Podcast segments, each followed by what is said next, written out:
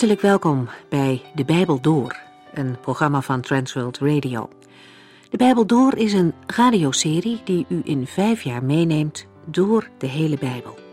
Van Genesis 1 tot Openbaring 22.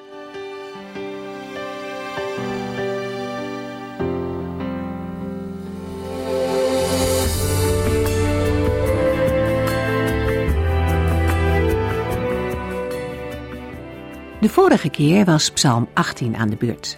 Dat is een dankpsalm die ook in 2 Samuel 22 te vinden is.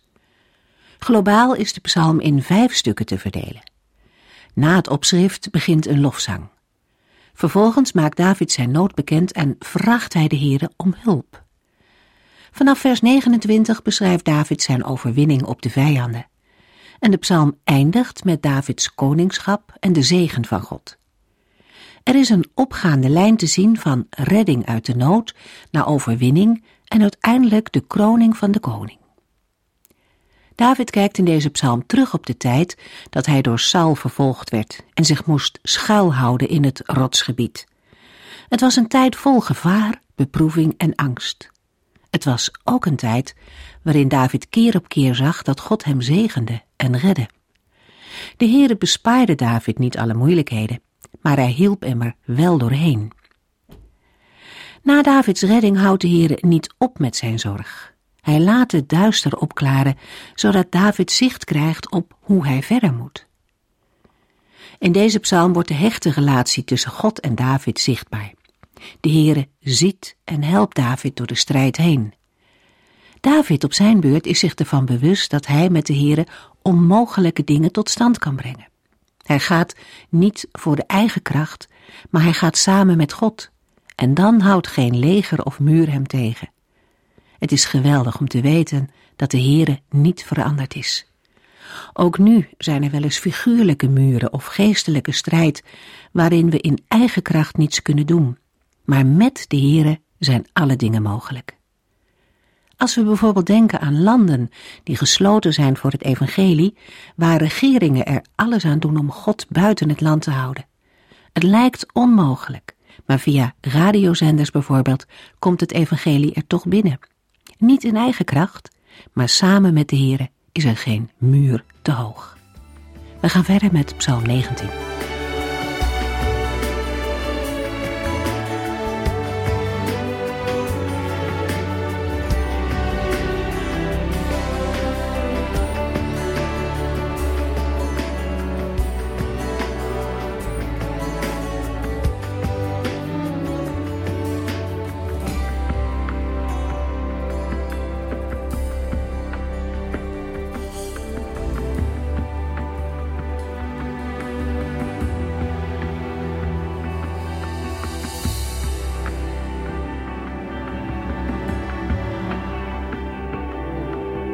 Psalm 19 is een loflied ter verheerlijking van de Heer als schepper en vormt een verwerking van het eerste hoofdstuk van het Bijbelboek Genesis.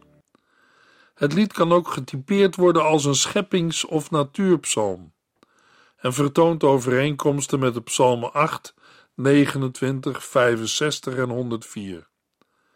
Psalm 19 kan ook als wijsheids- of Torah-psalm worden geclassificeerd.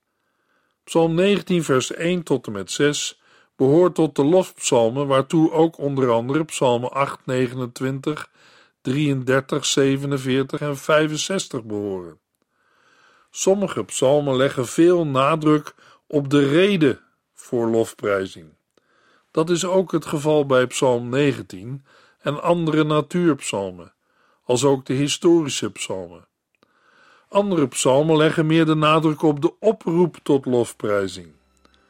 Voorbeelden daarvan zijn de slotpsalmen 146 tot en met 150. Wijsheidspsalmen zijn reflecties op de mogelijkheden en problemen van het leven voor het aangezicht van God en geven suggesties hoe dat leven het beste kan worden vormgegeven. Ze dienen een didactisch doel Hiermee verbonden zijn de Torah-psalmen. Zij benadrukken het belang van het onderwijs in de wet. Onder deze Torah-psalmen vallen psalm 1, 19 en 119. In het oude Midden-Oosten zijn bij andere volken ook voorbeelden bekend van natuurteksten, maar deze verschillen in belangrijke mate van Psalm 19. In de liederen van andere volken wordt de natuur vergoddelijkt en worden de natuurgoden geprezen. In Psalm 19 wordt de natuur voorgesteld als een persoon, maar niet vergoddelijkt. Psalm 19 valt uiteen in twee hoofddelen. Gods majesteit wordt gezien in de schepping en in de Torah. De duidelijke verschillen in literaire stijl van deze twee delen hebben aanleiding gegeven tot speculaties over de eenheid van de psalm. Maar hoewel de stijl verschillend is, zijn er ook onderlinge verbindingen tussen beide delen. De zinnen in het eerste deel zijn over het algemeen langer dan die in het tweede deel. Ook wordt in Psalm 19, vers 2 tot en met 7 de naam El eenmalig voor de Heere God gebruikt. Tegenover het herhaalde Yahweh of Heere in Psalm 19, vers 8 tot en met 15. Ook wat de vorm betreft is er overeenkomst tussen beide delen te noemen. Het eerste deel beschrijft de sterrenhemel als raamwerk waarbinnen de zon zich beweegt. Het tweede deel beschrijft Gods wet of verordeningen als raamwerk waarbinnen de mens zich beweegt. Er is sprake van een parallelle weergave. In ieder geval vormt Psalm 19 in haar huidige vorm een eenheid. Psalm 19, vers 1. Een psalm van David voor de koordirigent. Het lied is opgedragen aan de koordirigent, net als bijvoorbeeld Psalm 4 en andere psalmen. Psalm 19 is ook een psalm van David. Psalm 19, vers 2 tot en met 7. De hemelen vertellen over Gods grote eer, en het hemelgewel spreekt over zijn scheppend werk. De ene dag vertelt het aan de volgende dag, en de ene nacht aan de volgende nacht. Het is duidelijk dat het geen echte woorden zijn. Het is immers niet te horen. Toch hoort men die boodschap over de hele wereld. Overal waar mensen wonen, heeft het nieuws hen bereikt. Het is alsof God een tent heeft gemaakt voor de zon, die s'morgens blij als een bruidegom naar buiten gaat en zingend zijn weg betreedt als een gevierde held. De zon wandelt elke dag van het ene tot het andere einde van de aarde. Alles ter wereld ervaart haar stralende gloed. Het eerste deel van Psalm 19 verwijst naar de schepping, zoals die naar voren komt in het eerste hoofdstuk van Genesis. De beschrijving gaat over de eerste, de tweede en in mindere mate over de vierde scheppingsdag. De dichter zegt van de hemel en het uitspansel of hemelgewelf dat zij de eer en het handwerk van God verkondigen. Het begrip hemel is een meervoud en omvat de lucht, de sterrenhemel en de hemel waar God woont. Omdat dit begrip parallel staat met het hemelgewelf of uitspansel en deze psalm zich concentreert op het waarneembare, ligt het voor de hand dat het om de lucht en de sterrenhemel gaat, de atmosfeer zoals die door een menselijke waarnemer wordt ervaren. De woorden de hemelen vertellen over Gods grote eer houden in dat zij de eer van de Heere openbaren en tonen. Door de parallelle vorm van de zinnen komt Gods eer tot uiting in het werk van zijn handen. Inhoudelijk valt vooral te denken aan de zon, de maan en de sterren. In Romeinen 1 vers 20 lezen we God is wel onzichtbaar, maar uit alles wat Hij geschapen heeft blijken Zijn eeuwige kracht en goddelijkheid. Want sinds het ontstaan van de wereld is Zijn bestaan duidelijk te herkennen uit wat Hij heeft gemaakt. In vers 3 is er sprake van de ene dag en de ene nacht. Iedere dag geeft kennis door aan de volgende en de ene nacht aan de andere. Op die manier gaat hun boodschap tot in de uithoeken van de aarde. Het is een boodschap van regelmaat en orde in een chaotisch lijkende wereld. De Heere heeft als ware een tent in de hemel opgeslagen voor de zon. Met tent wordt in dichtelijke taal de plaats bedoeld waar de zon s'nachts rust. Daar vandaan staat de zon op, stralend als een bruidegom na de huwelijksnacht, om zijn baan te gaan als een krijgsheld, als een gevierde held. Psalm 19 werkt niet uit hoe de zon van het westen weer in het oosten komt. Aan de ene kant van de hemel gaat de zon op en zijn omloop gaat tot de andere kant van de hemel. Zo blijft niets voor zijn hitte en stralende gloed verborgen.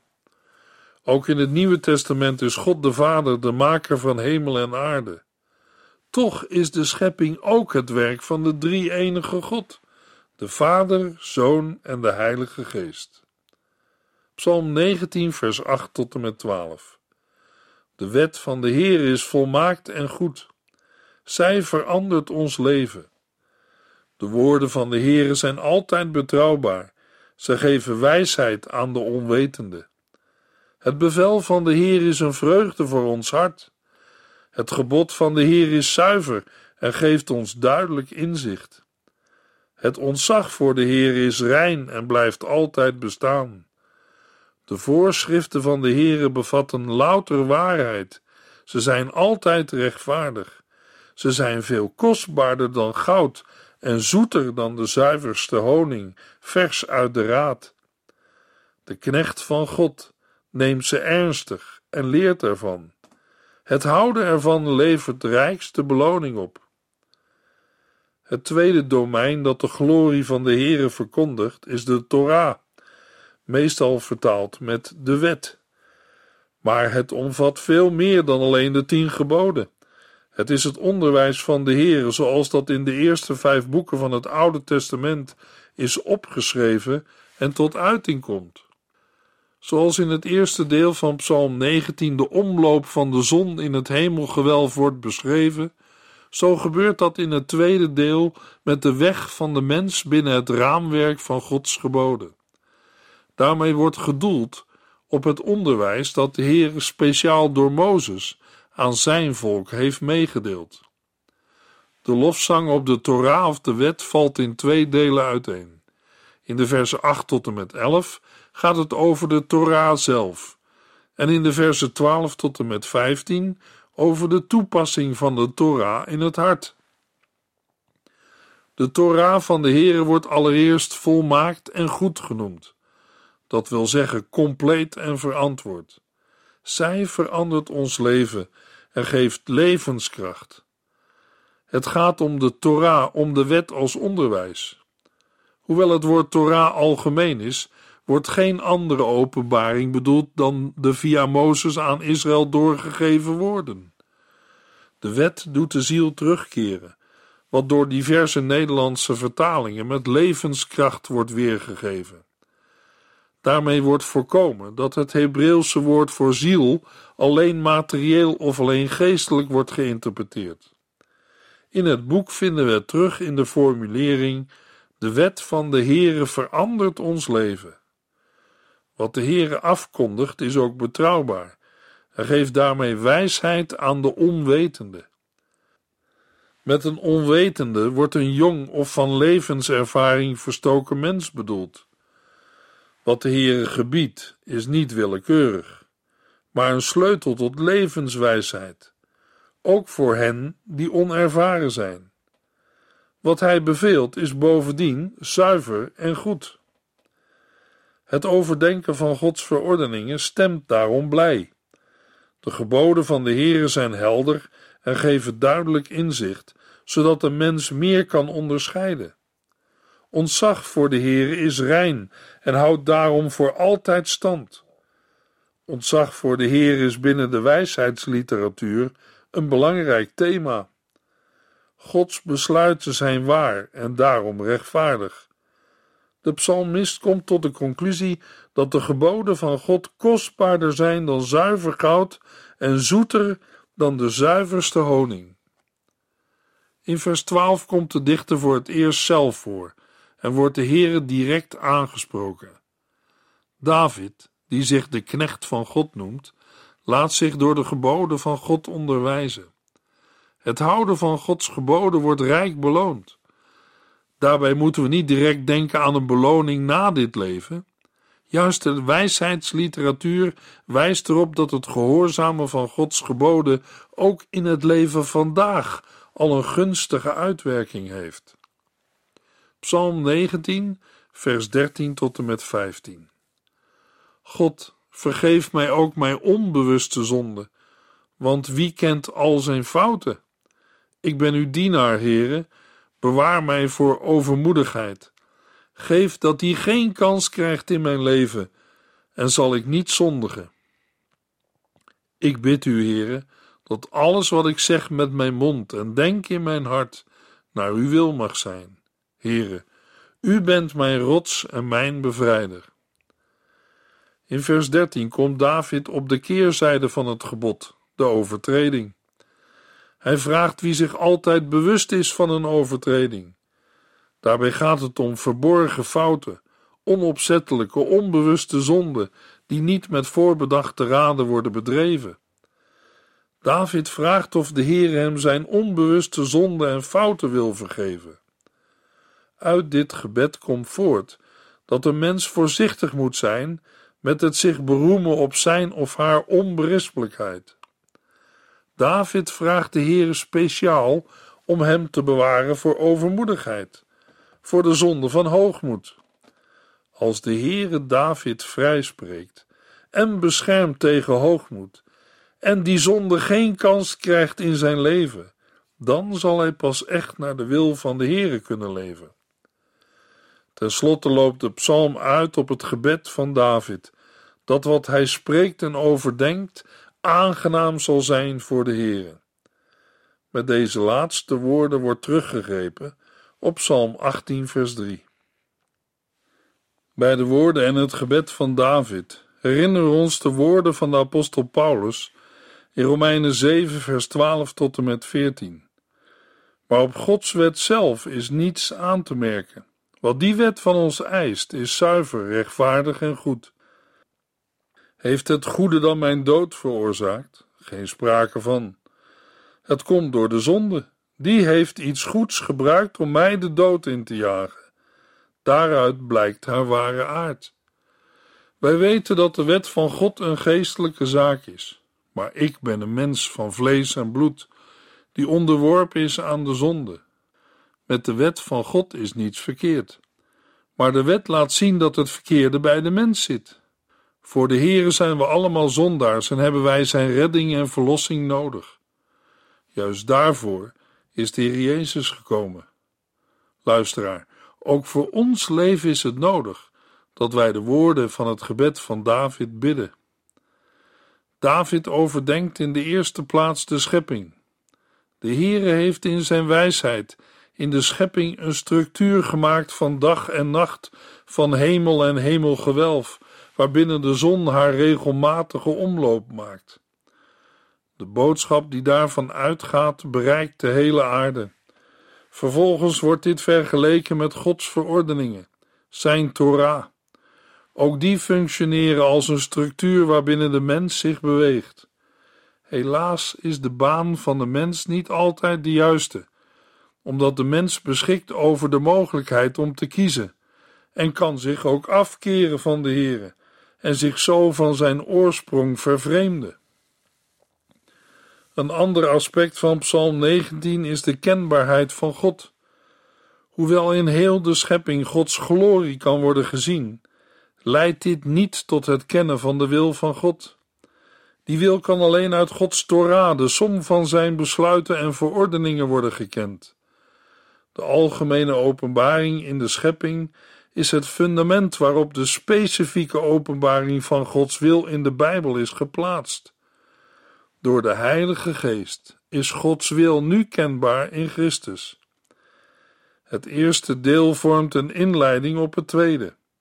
De Torah, die in het tweede deel bezongen wordt en die David ook het motief geeft voor zijn slotbede, is de wet van God. Zijn majesteit wordt in zijn scheppingswerken openbaar. Daarmee is er ook een aansluiting bij het Bijbelboek Genesis. God schiep de hemel en de aarde en openbaarde zich later als de God van het verbond aan de aartsvaders. In Psalm 19 blijkt dat de kennis van de schepping overal aanwezig is, ongeacht de stand van de wetenschap bij bepaalde volken. Het is ook geen verborgen kennis die door veel inspanning tevoorschijn komt. De kennis waar de psalm over spreekt is die over God zelf, niet die van de aarde. Verschillende teksten in de Bijbel geven aan dat de houding van de mens in het algemeen negatief is. Zij hebben die openbaring van de Heere niet gehoorzaamd, terwijl de houding van de mens ten opzichte van ontdekkingen van de wetenschap in het algemeen juist positief is. Het is belangrijk om dit te zien, omdat meermalen de twee bronnen van kennis tegen elkaar worden uitgespeeld. De menselijke kennis van de natuur bepaalt dan, in geval van tegenstrijdigheid, hoe wij mensen de Bijbel moeten uitleggen. Maar dat is heel iets anders dan David in Psalm 19 bedoelt en bijvoorbeeld in de Nederlandse geloofsbeleidenis is verwoord. In Romeinen 10 vers 18 haalt Paulus Psalm 19 vers 5 aan, om te tonen dat Israël het getuigenis van God heeft gehoord, ook al handelt het volk er niet naar. Daarbij wordt het getuigenis van de hemelen en het hemelgewelf toegepast op de verkondiging van het evangelie. Zo algemeen is de verkondiging. Paulus gebruikt Psalm 19 vers 5 niet als bewijstekst of als een vervulde profetie. Romeinen 1 bouwt voort op de gedachte dat de glorie van de Heere door zijn schepping kenbaar is. Wie dit getuigenis afwijst, wordt verduisterd in zijn hart en dat is wat er in de loop van de geschiedenis met de mensen is gebeurd. Ze zijn schepselen gaan vereren in plaats van de ware God. Ook in de toespraak van Paulus in Athene is er mogelijk invloed van Psalm 19. Als de apostel aangeeft dat God niet ver van ons vandaan is en dat het zijn bedoeling is dat de volken hem zouden zoeken en vinden. Psalm 20, vers 1 en 2. Een psalm van David voor de koordirigent. Ik bid dat de Heer u in moeilijke tijden zal antwoorden, dat de naam van de God van Jacob u sterk zal maken. Het opschrift is kort en bekend. Psalm 20 begint in vers 2 met een gebed van het volk of van het koor namens het volk. Het koor spreekt als een zegen een aantal gebeden en wensen over de koning uit. Laat de Heere regeren door de koning bij te staan in zijn nood en laat de naam van de God van Jacob hem beschermen en sterk maken.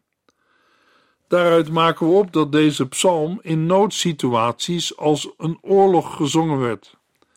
Waarschijnlijk voordat de koning uittrok met zijn leger. Psalm 20, vers 3 tot en met 6. Ik bid dat hij u te hulp komt vanuit zijn heiligdom en u steunt vanuit Jeruzalem. Ik bid dat hij zich al uw offers zal herinneren en uw brandoffers met blijdschap zal aannemen. Ik bid dat Hij u geeft wat uw hart verlangt en dat Hij al uw plannen laat gelukken. Wij willen juichen over de overwinningen die u geeft en in de naam van onze God de vlaggen omhoog steken. Ik bid dat de Heere al uw verlangens zal vervullen. In vers 3 tot en met 6 uiten de zangers de wens dat de Heere hulp zendt uit het heiligdom en de koning bijstaat vanuit Jeruzalem. De volgende bede betreft de offergave van de koning. Het volk bidt dat ze door de Heere zullen worden aanvaard. Het doel daarvan is dat de plannen van de koning door de Heere tot voltooiing zullen worden gebracht.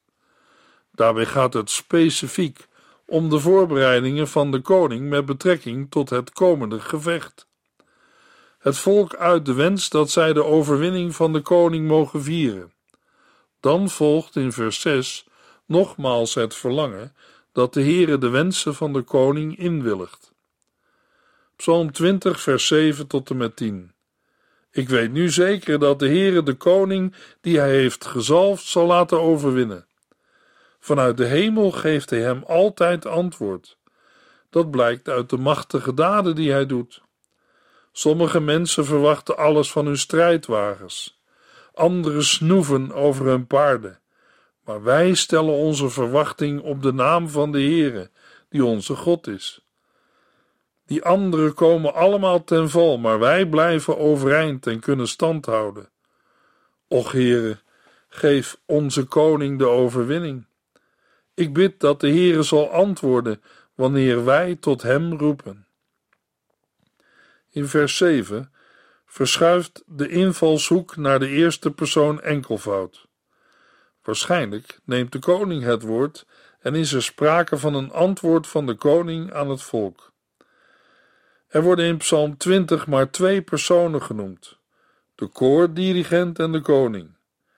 Er kan bij dit vers ook gedacht worden aan een priester of profeet, al is het niet ongebruikelijk dat de koning met de woorden van vers 7 naar zichzelf verwijst. In vers 8 wordt de invalshoek uitgebreid naar de eerste persoon meervoud. Strijdwagens waren de krachtigste militaire eenheden in het oude Midden-Oosten. Het volk betuigt nu samen met de koning dat ze hun hoop juist niet hebben gevestigd op paarden en wagens, maar op de heren. Anderen die hun hoop op militaire kracht stellen, worden verslagen. Maar het volk Israël blijft overeind en kan stand houden ondanks het feit dat het militair niet het sterkst is. De psalm eindigt met nog een beroep op de Heere om de koning toch vooral de overwinning te schenken en te antwoorden op het gebed van het volk. Daarmee wordt teruggegrepen op vers 1 en wordt Psalm 20 samengevat en afgerond. In Psalm 20 wordt aan de Heere gevraagd de plannen van de koning te zegenen. Er is sprake van een wederkerigheid in de relatie. Ook vandaag moeten gelovigen beseffen dat bidden en werken elkaar niet uitsluiten, maar elk een eigen plaats horen in te nemen. In het Nieuwe Testament hebben de gelovigen de verantwoordelijkheid en het voorrecht om te zegenen. Zij weten dat de Heer Jezus, de gezalfde, eens als koning zal terugkomen. Dan zal hij de eindstrijd aanbinden tegen de kwade machten en heersers en hij zal overwinnen. In de volgende uitzending lezen we Psalm 21.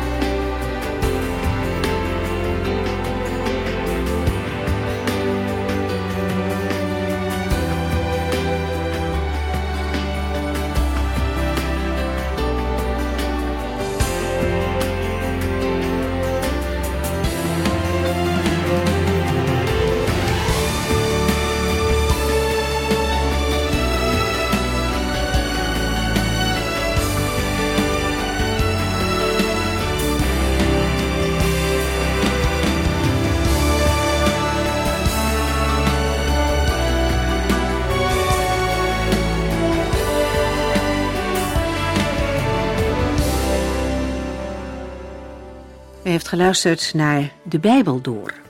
In het Nederlands vertaald en bewerkt door Transworld Radio. Een programma waarin we in vijf jaar tijd de hele Bijbel doorgaan. Als u wilt reageren op deze uitzending of u heeft vragen, dan kunt u contact met ons opnemen. Tijdens kantooruren kunt u bellen op 0342 47 8432. 0342 47 8432. 32. Ook kunt u een e-mail sturen naar de Bijbel door transworldradio.nl en natuurlijk kunt u ook via de post ons bereiken. TWR, postbus 371, postcode 3770, AJ in Barneveld. Dit programma werd gepresenteerd door Cor Weda en Ike André. Techniek was in handen van Odin van Woerdekom. En wij allemaal bedanken u voor het luisteren. Graag tot de volgende keer.